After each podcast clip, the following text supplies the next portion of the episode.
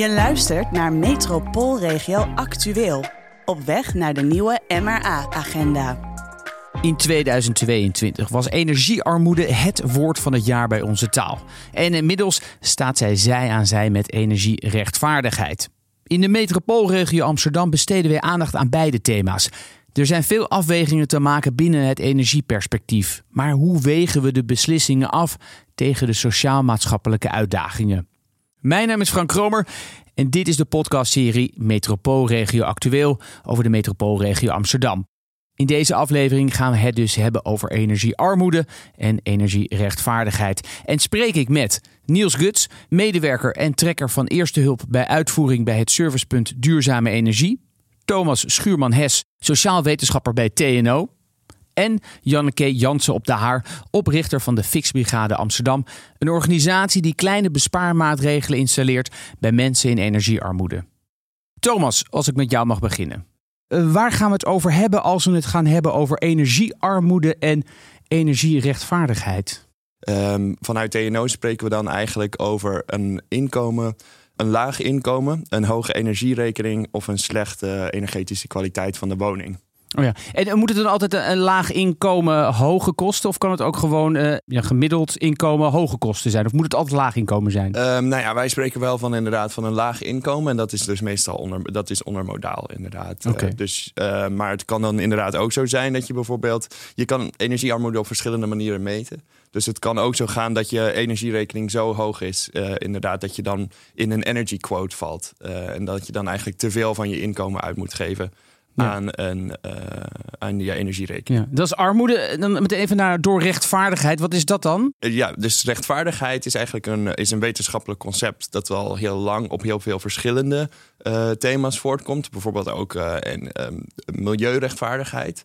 Um, wat je daar eigenlijk ziet is dat het een concept is dat gaat voornamelijk over bijvoorbeeld toegang tot het proces. Um, toegang tot eerlijke distributie van middelen. En daar uh, zijn we nu, of wordt meer op gefocust in energietransitie. Omdat het gaat over nou ja, hoe worden de lasten en de lusten verdeeld uh, van de energietransitie kan ik het dan samenvatten als dan ja, iemand met een laag inkomen die vindt het moeilijker om uh, te verduurzamen dan iemand die een hoog inkomen heeft? Ja, ja zeker. Dat, is een, dat is een simpele, maar goede, goede samenvatting ja. inderdaad. Ja, ja? ik zie jou een beetje bedenkelijk kijken, Janneke. oh, sorry. Ja, nou, dan heb ik altijd een beetje moeilijk moeite mee. Mensen met een laag inkomen die moeite hebben om te verduurzamen. Laten we eerlijk zijn, de mensen met een laag inkomen hebben de laagste ecologische voetafdruk. En dat zijn dus de meest duurzame mensen. Dus die hebben helemaal geen moeite om te verduurzamen. Over het algemeen zijn uitzonderingen. En volgens mij is er ook nog één groep die we vergeten. En dat zijn de mensen met een laag inkomen en een lage energierekening.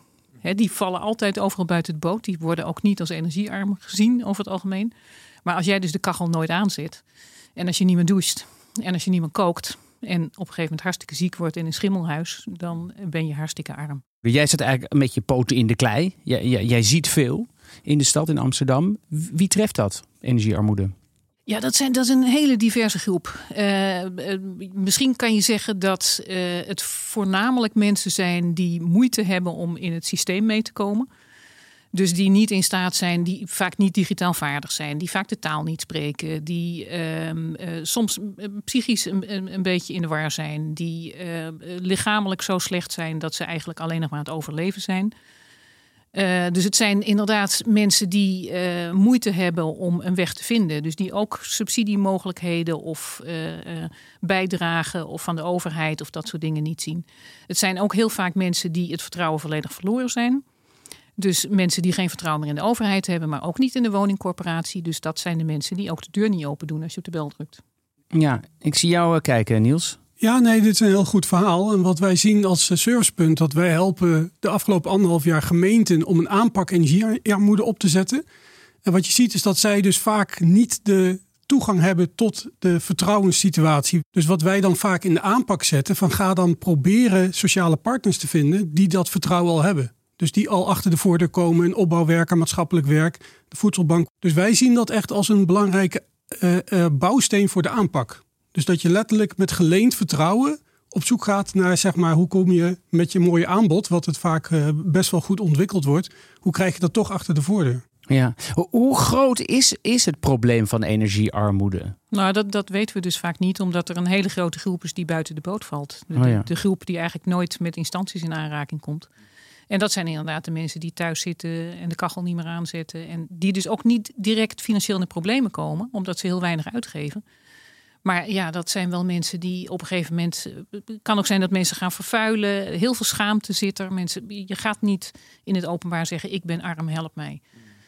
Dus eh, ja, het is een hele grote groep die we helemaal niet kennen. Dat is natuurlijk ook helemaal zo. En volgens mij is die dagelijkse realiteit die je meemaakt op de vloer, is, eh, is, of, of in het echte werkveld, is natuurlijk ook eh, soms heel abstract van, vanuit de nummerskant, inderdaad, eh, die we uitrekenen. Want zeg maar, we komen natuurlijk wel eh, met TNO tot nummers. Eh, en dan hebben we ongeveer over 600.000 huishoudens nu eh, in Nederland. Ehm, daar zit, er is veel gecompenseerd het afgelopen jaar. Ehm, eigenlijk hebben we in Nederland heel erg een beleid van, van compenseren. Eh, palliatief, dus niet preventief beleid. En dat eh, als je die compensatie eraf zou ehm, trekken, dan heb je nog eens 400.000 huishoudens. Kom je op een miljoen uit? Dan zou je op een miljoen. Maar dat, dat is dus niet zeker dat die echt in energiearmoede zitten. Maar wel zeker dat dat huishoudens zijn die eh, wel echt moeite hebben. Toch, de gemeente Amsterdam heeft onlangs een verkenning uitgevoerd over wat energierechtvaardigheid inhoudt en welke rechtvaardigheidsprincipes impliciet of expliciet worden gehanteerd bij de invulling geven aan de energietransitie. K- kun je daar wat meer over zeggen, Niels, en aangeven wat de MRA daarmee kan? Ja, nou wat ze mooi gedaan hebben is dat ze onderscheid gemaakt hebben naar verschillende principes. Hè. Verdelende rechtvaardigheid, zo van zorg dat die lust en lasten op de goede manier bij degene terechtkomen die dat nodig hebben. Dus dan heb je het over de energietoeslag, dus die 1300 euro, dat is hartstikke goed. Dat zijn voor de mensen die aantoonbaar slecht zeg maar, financieel zitten. Eh, maar je hebt ook de procedurele rechtvaardigheid. En dan heb je het over van, ja, hoe ga je die mensen betrekken? Hoe ga je het goede verhaal vertellen? Wat wel leuk is, ze hebben 2,5 jaar geleden heeft de TU Delft die klimaatraadpleging gedaan. Onder een heleboel eh, middenmotors even. Dus niet de koplopers of acht, maar de, gewoon de 70% stille midden. En dat bleken ook vooral voorwaarden te zijn. Er zijn vier voorwaarden waaronder mensen mee willen doen met energietransitie aangaan. En dat heeft ook weer heel veel met rechtvaardigheid te maken. Zoals de vervuiler moet betalen. We willen niet dat de armen extra geraakt worden. Dus dat is weer een, zeg maar een bouwsteen voor je communicatieverhaal. Dus als je weet wat mensen even ook wel tegenhoudt om mee te doen. Hè, waardoor ze zeg maar weerstand bieden. En dat zit hem vaak in die rechtvaardigheid. Dus ook het verhaal van Tata Steel met de CO2. Zo van, joh, zij krijgen allemaal kortingen. Grootbedrijven krijgen eh, qua energiebelasting... die betalen veel minder energiebelasting als je meer verbruikt... dan wij als kleinverbruikers. Dat zijn niet de beste verhalen, zeg maar. Als je dat weet en je gaat dus in je procedurele kant het, het goede verhaal vertellen... en je doet dat met geleend vertrouwen met partners... die dus ook binnenkomen bij die mensen dan gaat het helemaal goed. Ja, duidelijk, duidelijk. Ik wil even een klein uitstapje maken. Want voorafgaand aan ons gesprek uh, sprak ik met de wethouder van Zaanstad, René Tuin. Hij gaat over armoedebestrijding en schuldhulpverlening. En ik vroeg ook aan hem, ja, wat moet de MRA nou met energiearmoede? Nou, energiearmoede is echt een heel breed groot thema. En dan is de MRA-regio, uh, ja, zeg maar voor de gemeentes hier in de buurt, een, een, een heel belangrijk orgaan om in ieder geval goede onderlinge afspraken te maken. Maar hoe gaan we nou binnen ons gebied om met uh, energiebesparing? Hoe gaan we om met onze ontwikkelaars? Hoe gaan we om met onze corporaties? Uh, hoe ondersteunen we onze fixbrigades? Ja, dat is een heel belangrijk netwerk om in ieder geval te zorgen dat je niet te ver uit elkaar gaat lopen. Dat je daar ja, de lijnen met elkaar mist. Uh, en hoe zorgen we dat ja, onze inwoners allemaal mee kunnen doen met, uh, met de energietransitie die gaande is. Dus dat is voor de MRA belangrijk. Kunt u misschien een voorbeeld noemen van een initiatief in de MRA dat echt laat zien dat die regionale aanpak nodig is met betrekking tot energiearmoede? Uh, nou, ik denk dat je, dat, je, dat je nu vooral ziet dat we van elkaar leren binnen de MRA hoe je dingen kan doen. En dat heeft dan inderdaad bijvoorbeeld te maken met hoe gaan we om met onze fixbrigades. Hoe is dat, hoe is dat gestart in Amsterdam? Wat doen wij nu in Zaanstad uh, met fixbrigades in combinatie uh, met mensen met een afstand tot de arbeidsmarkt? En hoe uh, zorg je ervoor dat je van elkaar leert en op de juiste manier snel slagen maakt? Hè? Hoe, hoe kies je voor voor wijken waar, waar je aan de slag gaat. Nou, daar, daar helpt zo'n onderzoek van Amsterdam natuurlijk weer enorm in. Om ook te laten zien van ja, hoe kan je, hoe kan je naar je stad kijken, naar deelgebieden. Waar zitten de, de meeste woningen met hele slechte energielabels? En hoe gaan we dan weer met de corporaties in gesprek over waar je het eerste die, die aanpak gaat realiseren? Uh, dus ik zie de MRA in dat verband met name als, als een club waar we, van, waar we van elkaar leren. Dat doen we op vele vlakken, kennis delen. Ja, om, om de versnelling erin te houden. In ieder geval op het niveau wat we als gemeente kunnen doen. Ja, ja. Je, je zou ook natuurlijk kunnen zeggen: dit is gewoon een rijksverhaal. Er moet gewoon eigenlijk gewoon wetgeving komen. Bijvoorbeeld als we kijken naar huurwoningen. Een huurwoning mag alleen verhuurd worden als het bijvoorbeeld een energielabel B of, of C heeft. Ja, dat is deels waar. Uh, dat zou natuurlijk enorm helpen als, uh, als er eisen gesteld worden aan woningen, hoe die eruit moeten zien. Uh, de andere kant is dat zolang dat nog niet het geval is, wij als gemeente wel aan de lat staan om alle regelingen uit te voeren en te zorgen dat, dat onze inwoners op de been blijven en mee kunnen blijven doen. Um, dus we hebben zeker ook een verantwoordelijkheid op het gebied van, van de energiekosten om onze inwoners daarbij te ondersteunen. Um, en daarnaast, vanuit die kennis en ervaring, weer de rol richting de landelijke overheid van God, hoe kunnen dingen beter? Dan gaat het alleen maar over een energietoeslag, hoe je die uitvoert en de problemen waar wij tegenaan lopen in de uitvoering en hoe je, hoe je daar weer anders mee om moet gaan. Dus ik denk dat die, dat die heel getrapt is, dat er, dat er deels een, een landelijke verantwoordelijkheid ligt om te zorgen dat er wetgeving komt, dat die ook uitvoerbaar is. Hè. Uh, maar daarnaast hebben we ook binnen onze gemeentes de verantwoordelijkheid om, uh, om te zorgen dat, uh, dat iedereen zijn broodje kan eten en dat de kinderen gelukkig naar school kunnen gaan. om daar in ieder geval nog goed te kunnen leren en niet door allerlei achterstanden thuis daar ook nog in de problemen komen. Dus hè, en totaal kijkend naar het plaatje kan je zeggen, ja, we hebben, we hebben inmiddels 16 vormen van armoede. Maar het komt wel allemaal bij elkaar. En meestal uh, zijn het ook dezelfde mensen die erdoor getroffen worden. Uh, dus ja, met, met elkaar zoeken naar oplossingen. Ja, ja, we werken natuurlijk naar uh, de nieuwe MRA-agenda. Wat nou als energiearmoede en energierechtvaardigheid niet in die agenda komen? Zou dat een groot probleem zijn? Nou, dat, dat hangt er denk ik nog vanaf hoe er dan verder mee omgegaan wordt. Ik kan me voorstellen dat je zegt van moet, moet dit echt een apart onderdeel zijn of is, is dit wat, wat geïntegreerd door alle besluiten die je neemt heen, uh, heen loopt. Omdat ook als je keuzes maakt op het gebied van, van economie en verkeer, uh, dat dat allemaal uh, aan die rechtvaardigheid haakt. en ik heb zo langzamerhand wel het beeld, en dat, dat zie je dus ook aan deze analyse in Amsterdam, dat binnen de MRA ook wel dat gevoel ontstaat. Landelijk natuurlijk ook een beweging uh, van uh, ja, hè, iedereen moet wel uh, mee kunnen doen, rond kunnen komen. Dus ja, ik, ik denk dat het goed is, en je ziet dat volgens mij bij de paragrafen hè, rond economie en duurzaamheid wel steeds terugkomen dat dit, dat dit een item is. en wij zullen er ook binnen de, de MRA, volgens mij ook de, de, de wethouders die daarmee bezig zijn, zijn er wel van doordrongen dat het steeds op de agenda moet komen. Uh, ik ben zelf vicevoorzitter van de G40 duurzaamheid. Daar is dit ook een van onze drie speerpunten om, om mee bezig te zijn. Dus het zal niet wegzakken, maar eh, ja, op een aantal punten dat het toch nadrukkelijk genoemd wordt, is denk ik wel belangrijk.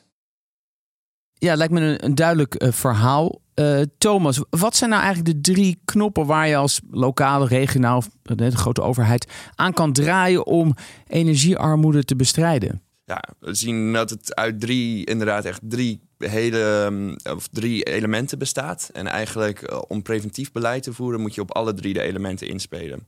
En dat is het inkomen, de energierekening en de kwaliteit van de woning. Dus eh, het werkt eigenlijk alleen echt om energiearmoede aan te pakken als je op alle drie die facetten nou ja, een aanpak hebt. Wat we zien in Nederland en wat het vrij moeilijk maakt, is dat er geen correlatie specifiek zit tussen de kwaliteit van de woning en inkomen zelf. Dus er zijn mensen met een laag inkomen die in goede huizen wonen. En mensen met een laag inkomen die in slechte huizen wonen. En ook uh, rijke mensen. Dus, uh, dus daar zie je eigenlijk een, een, een, verschil dat het, dat het niet makkelijk maakt om één beleid te voeren die op al, al die drie de thema's bij mensen binnenkomt. Dus waar je eigenlijk landelijk aan zou moeten draaien, is nou ja, het echt het identificeren van die doelgroep. En dan een uh, beleid maken wat um, op alle drie die facetten uh, daarop inspeelt. Dus isoleren van de woning, het verlagen van de energierekening en het ophogen van het inkomen. Dat lijkt me een mooie opsomming. Uh, Janneke, ik wil zo met jou uh, naar de Fixbrigade gaan. Uh, maar eerst is het tijd voor een rondje van de regio.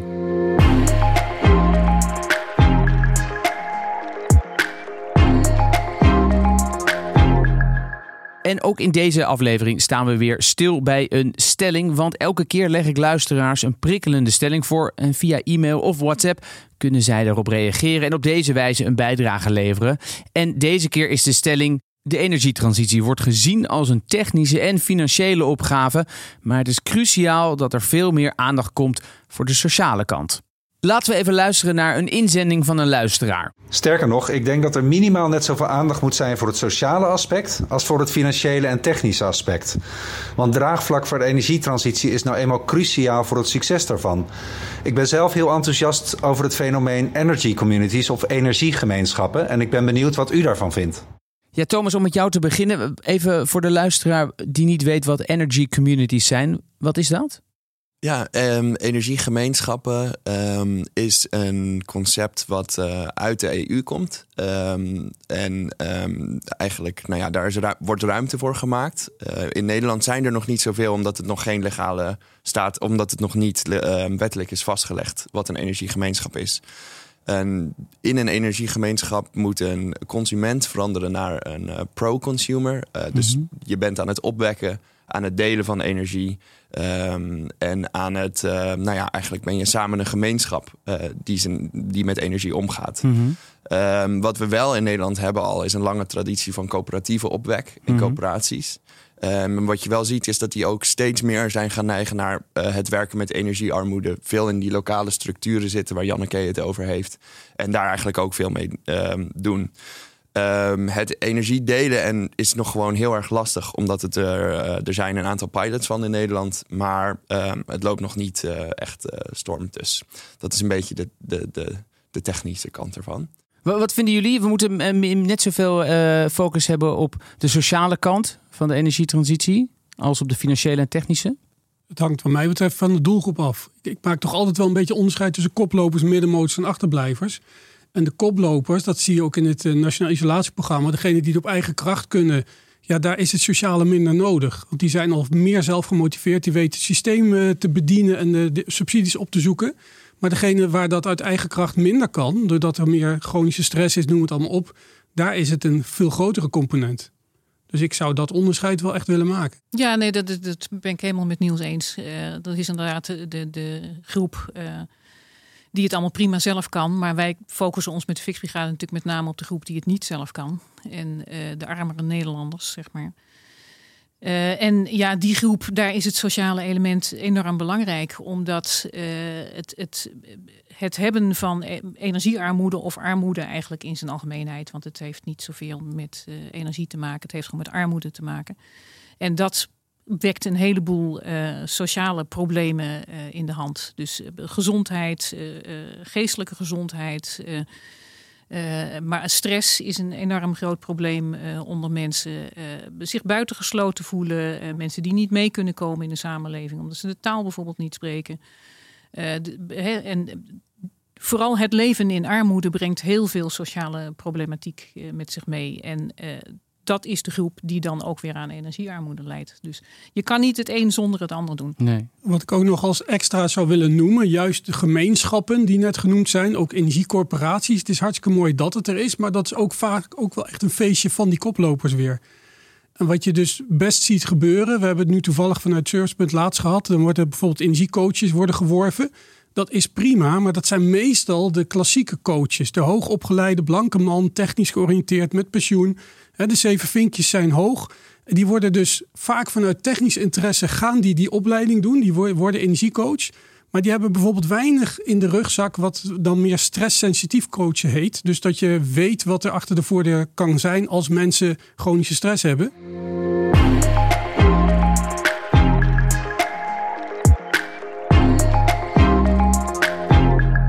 Janneke, ik wil graag met jou naar de Fixbrigade gaan. Uh, een mooie, een bijzondere organisatie die uh, mensen helpt met bespaartips als het aankomt op energiearmoede. Hoe, hoe weet je eigenlijk of iemand dat heeft? Nou ja, goed, wij, wij hanteren gewoon een inkomensgrens. Dus ongeacht of mensen nou moeite hebben om die energierekening te betalen of niet. Hè, want dat zei ik al, er zijn natuurlijk veel mensen die gewoon de kachel niet meer aanzetten. Dus een hele lage energie, dat is echt een hele grote groep. Ehm, maar goed, dat wil niet zeggen dat dat helemaal volledig vrijwillig is. Natuurlijk dat je 's winters in de kou gaat zitten. Dus wij helpen gewoon mensen die onder een bepaalde inkomensgrens zitten. Wat, wat, hoe ziet jullie aanpak eruit? Hoe, hoe, hoe begin je? Nou, we beginnen. De, de basis van de Fixbrigade is eigenlijk eh, een, een, een opnamegesprek waarbij we ook een advies geven. Anders dan wat de meeste energiecoaches doen, kijken wij echt naar de woning en de inrichting en het, het, het gedrag van de bewoner. Dus we hebben geen vaste lijst, maar dat advies is eigenlijk bij elke woning weer anders. Veel mensen hebben hun woning zo vol gepropt of uh, allerlei spullen voor en op de radiator gezet, waardoor je dus je convectiewarmte volledig blokkeert. Nou, dan kan je stoken wat je wil, maar het wordt nooit warm.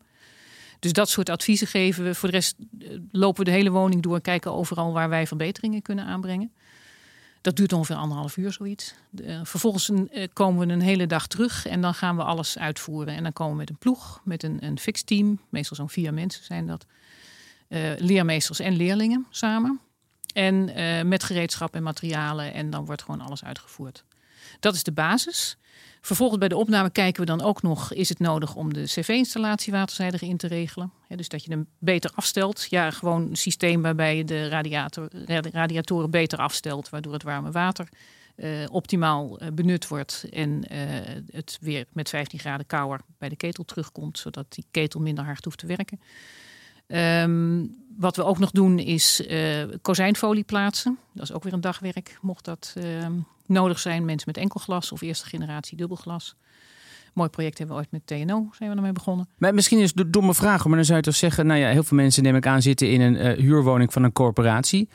Die moeten er gewoon dubbel glas in zetten. Dat is toch een, een basisbehoefte in deze tijd, anno 2023? Ja. Of nou zeg ja. ik nu iets heel stoms? Nee hoor, dat helemaal niet. Integendeel. Nee, ik denk ook dat een corporatie moet zorgen dat je deur goed sluit... en dat je raam niet uh, tocht en, en dat er niet regen binnenkomt als het regent... En, uh, uh, ze zijn, en dat er geen schimmel in je woning ja. zit. En uh, eigenlijk alles wat de fixbrigade doet, zou ja. door een corporatie of een woningeigenaar gedaan moeten worden. Dit zijn uh, de sociale huur, maar er is natuurlijk ook een grote groep die particulier huurt.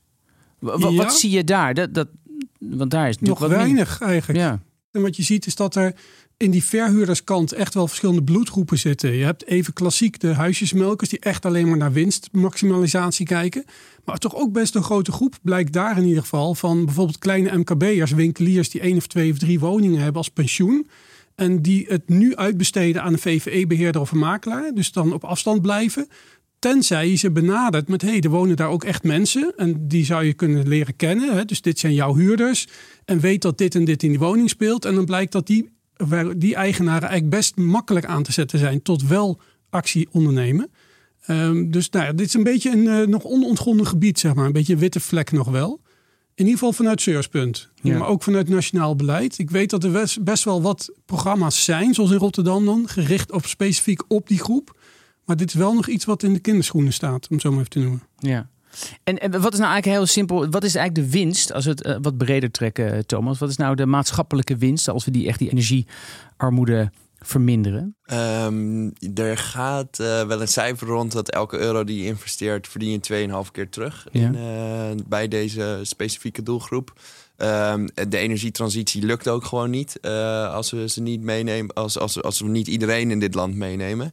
En volgens mij lukt die alleen als je op de juiste plek als eerst begint. En dat is bij die energiearme arme doelgroep.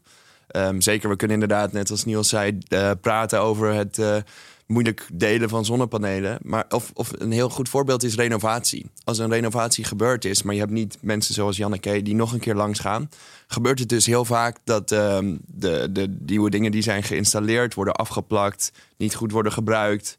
Um, dat de afzuiger um, het niet doet of dat soort dingen. Dus je hebt eigenlijk zelfs na renovatie nog steeds fixers nodig die langsgaan om um, nou ja, uit te leggen over hoe dingen werken. En ze, eigenlijk het vormgeven van die energie, energietransitie van onderop uh, zorgt ervoor dat die lukt. En, en ja, dat is dus eigenlijk het streven. Ja, Niels, al luisterende hè, naar dit gesprek hier hoor je zeg maar de complexiteit van energiearmoede en rechtvaardigheid. Moeten we eigenlijk gewoon niet een hele systeemverandering hebben? Of, of anders gezegd, moeten we niet anders naar het systeem gaan kijken? En dan wil ik even inhaken op die eerdere stelling: dat er veel meer ja, connectie moet zijn tussen financiën, techniek en het sociale domein. Ja, als je ernaar kijkt van wie is degene die tot nu toe de duurzaamheidsgelden, zoals die nu ook weer vrijkomen, uh, uh, bepalen en eigenlijk inzetten, dat zijn de mensen van de afdeling duurzaamheid. Daar zit geen koppeling gemiddeld genomen met bijvoorbeeld sociaal domein. Terwijl als we het nu over de energietransitie hebben, en we hebben in die klimaatraadpleging al gehoord dat het grote stille midden, de 70% van de bevolking, al niet echt aangaat op het moment dat aan die vier voorwaarden niet is voldaan van rechtvaardigheid.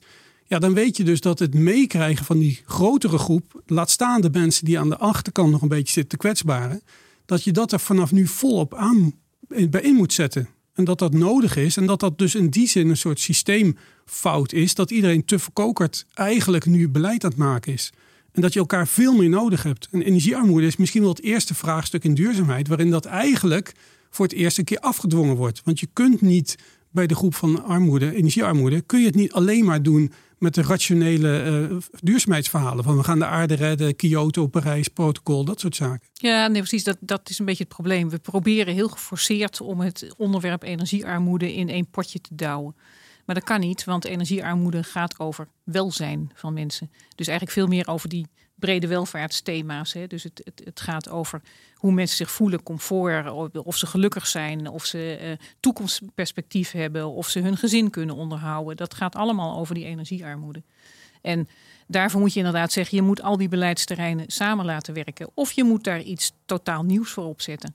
Ik vind het mooi dat je de term brede welvaart uh, gebruikt. Dat is een van de ja, kerntermen voor, de, voor de MRA en de komende MRA-agenda. Daar kwam ik veelvuldig uh, langs bij de State of the Region.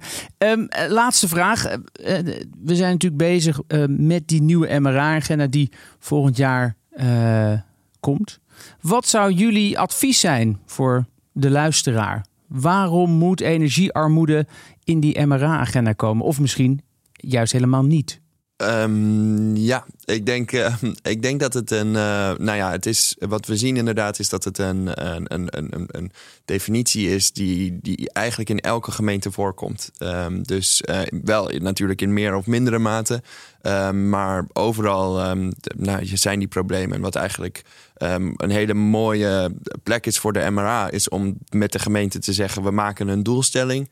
geen energiearmoede meer in de MRA-regio. en dan kunnen ook grote en kleine gemeentes die daar samen in zitten van elkaar leren. Bijvoorbeeld, nou ja, hoe doe je dat met zo'n aanbesteding? Hoe gaat dat samenwerken met dat sociaal domein?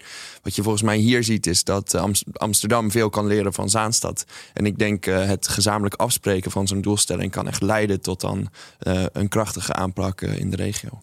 Ja, nou, ik denk inderdaad dat het binnen de MRA-agenda hoort, omdat het inderdaad een thema is wat in alle gemeenten speelt. maakt niet uit groot of klein. En het vraagt dus ook om een algemene aanpak. Uh, waarbij je wel uh, moet kijken van uh, wat zijn de lokale partijen die daar een rol in spelen. Want er is binnen elke gemeente is er wel een partij die al met dit onderwerp bezig is, die daar ervaring mee heeft, heeft opgebouwd, die ook het contact met de bewoners heeft. Want dat is natuurlijk punt één. En daarvoor moet je denk ik wel een algemeen beleid. Je op een gegeven moment zegt, we gaan het met z'n allen op deze manier doen. Dus moet dat getenderd worden of moet dat met een subsidie of op wat voor manier dan ook.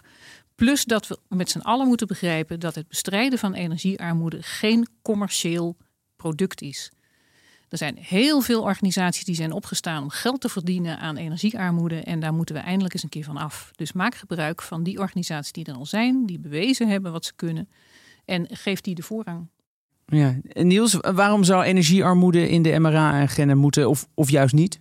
Um, Deels omdat het overal is, maar ik zou ook een stap omhoog willen zetten. Wat ik net al noemde met die grote groep middenmotors. Ik denk dat het gaat over. Je bent voor het eerst in een heleboel dossiers iemand achter de voordeur. Dus je grijpt in op een soort multi vraagstuk. En wat we hier leren, namelijk dat samengaan van duurzaamheid met sociaal domein, dat gaat gewoon ook over de psychologie van hoe krijg je mensen mee in bredere zin. En dat speelt niet alleen bij de kwetsbaren die in armoede zitten, maar die hele grote groep daarboven, die je ook eventueel met een best hoge aansluitkost op een warmtenet wil krijgen.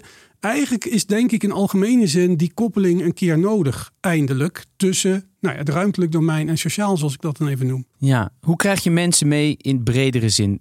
Dat vind ik een mooi punt om mee te eindigen. Dank aan mijn gasten Niels Guts, Thomas Schuurman-Hes en Janneke Jansen op de Haar. Dank voor jullie komst.